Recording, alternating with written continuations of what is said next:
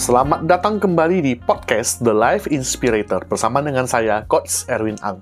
Hari ini saya akan membawakan satu judul menarik, itu bisa dibilang ini episode spesial ya, yaitu Personality Plus in Career and Relationship, yaitu personality plus dalam dunia kerja atau karir serta hubungan.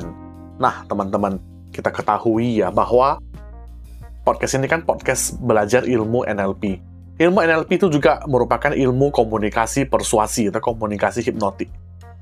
Di saat Anda telah menguasai ilmu komunikasi hipnotik ini, alangkah baiknya kita juga memahami apa itu personality plus atau personality orang-orang. Nah, jadi kalau kita bisa memahami personality orang-orang dengan baik, di saat kita menghadapi orang tersebut, berkomunikasi kepada orang tersebut, Anda bisa lebih tahu what to do, what to say. Oke, hari ini saya akan memakai personality plus yang versi klasik punya, yaitu yang empat personality. Sanguin, melankolis, pragmatis, dan juga korelik.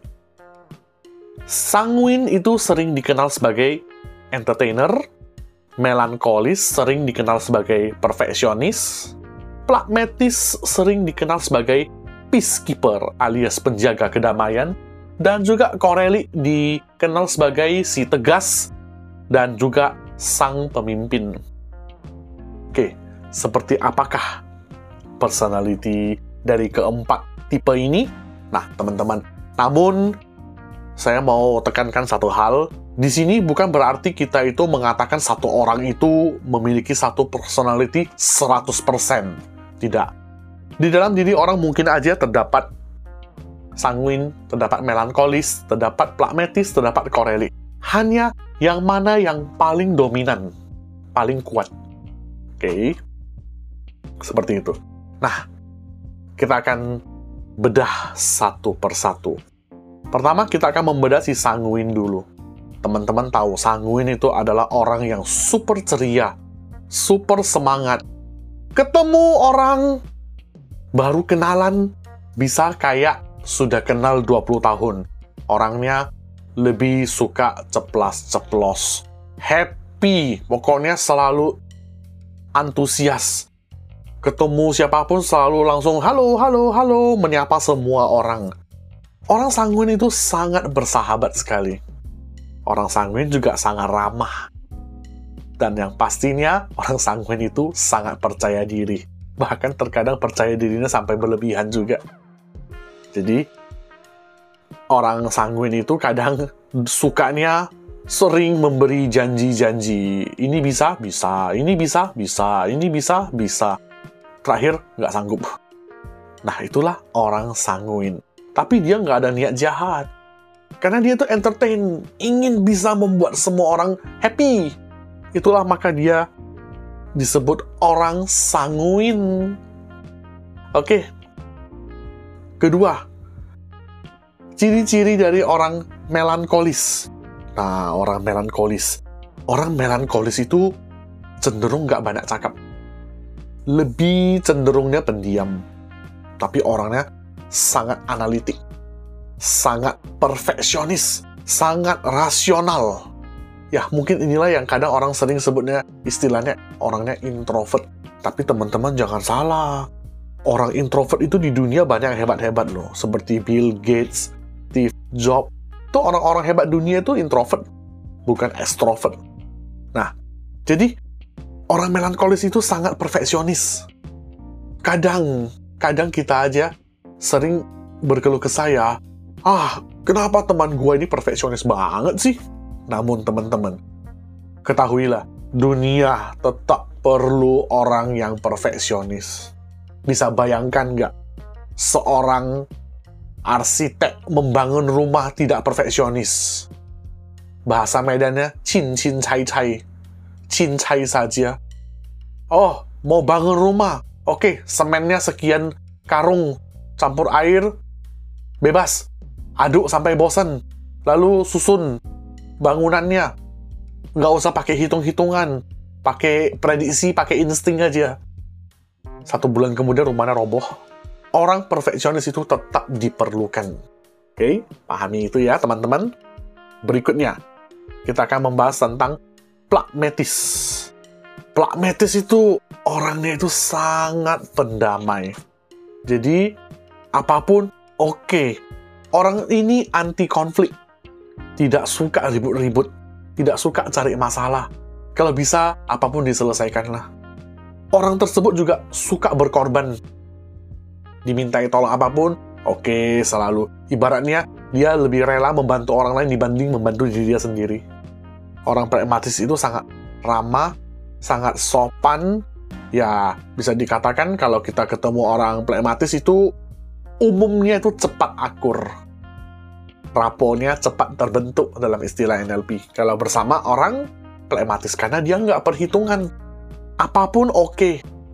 Nah, jadi kebanyakan orang pragmatis itu sering dibully, sering dimanfaatin. Itulah kasihannya orang pragmatis. Oke. Yang keempat. Yang keempat itu adalah Koreli. Uh, orang Koreli itu tegas, to the point, tidak basa-basi. Jadi dia itu lebih cocok menjadi seorang pemimpin. Dia itu independen. Namun, orangnya itu sangat dominan. Kita bayangkan Koreli seperti mantan gubernur DKI Jakarta, Bapak Basuki, Bapak Ahok. Dia itu tegas, keras dalam bekerja. Nggak ada neko-neko A ya A, B ya B, C ya C. Hitam ya hitam, putih ya putih. Seperti juga Menteri Sosial kita, Ibu Risma. Orangnya keras, tegas. A ya A, B ya B, C ya C. No neko-neko. Nah, orang Koreli itu pantang menyerah. Jadi, bisa dibilang orang Koreli ya mungkin ditakdirkan bisa menjadi seorang pemimpin lebih cepat dibandingkan yang lain. Oke, jadi kurang lebih kita pahami ya empat kepribadian ini, empat ciri-ciri kepribadian personality plus ini. Nah, jadi teman-teman, dalam karir orang melankolis jangan disuruh jadi MC. Bakal stres. Bayangkan orang melankolis disuruh melucu. Itu senyumnya sangat terpaksa sekali Akibatnya penonton juga terpaksa tertawa supaya dia bahagia. Nah, orang sanguin jangan disuruh kerja back office. Kertas mengertas, ketik mengetik. Dia stres di dalam karena kebutuhan bicara dia banyak sekali. Pengen keluar terus. Pengen bisa ketemu orang. Ah, ini orang public relation, orang sales, cocok sekali sanguin. Orang plametis cocoknya konselor, psikolog, hipnoterapis. Itu cocok sekali. Karena orang Plametis itu punya empati yang sangat besar. Dia bersedia untuk mendengarkan curhatan orang 2 jam, 3 jam, 4 jam, 5 jam, 6 jam. Coba bayangkan, kalau orang sanguin disuruh jadi konselor, ini tidak mengeneralisir, hanya sebagai contoh sebagian aja. Bayangkan lah ya, you curhat, curhat ke konselor, orang sanguin, itu sama dengan sisi to all. Bocor rahasia Anda ke mana-mana. Anda kalau curhat ke konselor yang tipenya Koreli, oh, yang ada Anda dimarahi. Kamu kok cengeng banget sih? Koreli. Ya, ingat ya, ini cuma contoh ya, tidak ngejas ya. Nah, orang Koreli cocoknya jadi apa? Jadi pemimpin jadi CEO tegas dalam membuat keputusan. Tidak bimbang, tidak plimplan. Coba bayangkan aja, kalau orang pragmatis jadi komandan perang, misalnya lagi perang. Permisi, izin bos, ini musuh sudah mulai menembakkan rudal loh. Boleh nggak kita menembakkan rudal balik? Contoh-contoh, udah keburu dibom duluan. Kalau yang jadi komandan perang itu orang plekmatis. Nah, di situlah. Orang melankolis, dia itu perfeksionis. Cocoknya jadi apa? Orang finance, orang hukum, yang jago membaca kitab-kitab undang-undang setebal dan sangat tebal. Dia sanggup melihat semua di mana yang kurang. Dia itu auditor, cocok sekali orang melankolis atau orang seni Orang seni kebanyakan melankolis dia. Dia itu sangat teliti. Orang sanguin disuruh kerja keuangan, cincin cai-cai hancur semua dibuatnya. Nah, jadi kurang lebih kita bisa lihat ya, di dalam karir, kita juga harus bisa menempatkan orang-orang yang tepat sesuai personality-nya. Jadi ada istilah ya, you put your human resource tepat orangnya, tepat tempatnya, tepat daya gunanya, maka orang tersebut akan bisa perform dengan lebih baik. Itulah dalam dunia karir. Jadi, orang melankolis, tadi kan katanya jangan jadi MC ya. Ya, nggak seperti itu juga. Ada kok MC yang tipe-tipe protokol, kaku, serius, bisa aja orang melankolis jadi MC. Kayak MC Wisuda. Universitas Wisuda ya, itu kan protokoler sama serius. Namun janganlah orang melankolis disuruh jadi MC ulang tahun anak-anak. Anak orang luka batin semua dibuatnya ntar. bercanda, bercanda. Oke, okay. Nah, jadi ini adalah sudut pandang personality plus dalam karir. Ya. Tempatkan orang sesuai kepribadiannya pada posisi yang tepat supaya tidak keliru. Kalau dalam hubungan gimana? Nah, sanguin relationship dengan sanguin. Well, oke. Okay. Cuma Hana duanya hihaha tiap hari, apa pun nggak mau tahu. Istilahnya lebih happy go lucky. Mereka akan baik-baik aja. Yang stres siapa? Tetangga. Kenapa? Tetangganya komplain ke Pak RT. Kalau mereka ada pasangan baru pindah, karaoke-nya malam-malam. Nyanyinya kuat-kuat, kita satu kampung nggak bisa tidur dibuatnya ya, karena orang sanguin tuh happy go lagi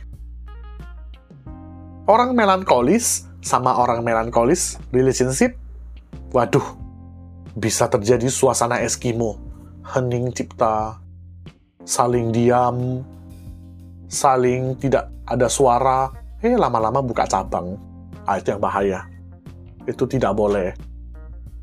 Memang ini kita tidak mengeneralisasi, bisa aja. Cuman Anda harus siap untuk menghadapi resiko-resiko dan problematika seperti ini. Dan Anda harus pintar bagaimana bisa menyelesaikan masalah-masalah komunikasi. Karena Anda sudah paham bahwa pasangan itu, Anda itu adalah orangnya kayak gini. Jangan Anda paksa jadi kayak gitu. Nah, berikutnya, koreli relationship dengan Corelli. Oh, perang dunia setiap hari. Sama-sama keras, sama-sama kepala batu, sama-sama tidak mau ngalah. Puyeng juga. Kalau plekmatis sama plekmatis, dalam penelitian, dalam survei, so far plekmatis dengan plekmatis itu hampir tidak ada masalah. Jadi, kalau plekmatis itu dikroskan dengan ketiga personality yang lainnya, itu garansi pasti nyambung karena plekmatis itu bisa menerima siapa pun apa adanya. Nah, jadi kurang lebih seperti itu. Jadi teman-teman kalau mencari pasangan, pahami juga lah personality-nya seperti apa. Banyak orang selalu curhat. Habis menikah, pasangan saya itu berubah loh. Guys, sebenarnya itu berubah, tapi itu wujud aslinya. Memang seperti itu. Ya, kita tahu lah namanya kalau lagi PDKT, lagi mendekati semuanya baik semuanya. Semuanya baik. Habis menikah, wujud aslinya ter, terwujudkan, muncul kembali. Nah, di situ kita harus bisa memahami. Tidak ada yang salah dengan keempat kepribadian ini. Tidak ada yang salah. Hanya orang-orang tidak tahu bagaimana cara menghadapi orang sanguin. Bagaimana cara menghadapi orang melankolis Bagaimana cara menghadapi orang pragmatis dan orang koreli?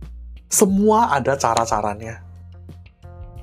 Orang sanguin, Anda ngomong terlalu serius ke dia tuh lalit.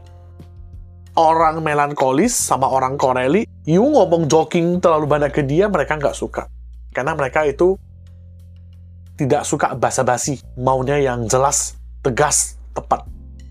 Orang pragmatis, Anda ngomong apa, dia terima Nah, so teman-teman, ingat, harus bisa memahami keempat personality ini dengan bagus. Jadi teman-teman kalau setelah menguasai empat personality ini, padukan dengan ilmu komunikasi NLP, ilmu komunikasi persuasi dan hipnosis, Anda akan menjadi komunikator luar biasa di dalam dunia kerja dan juga dalam keluarga atau relationship. Semoga tips singkat ini membantu teman-teman. Thank you very much. Kita ketemu lagi di episode yang berikutnya.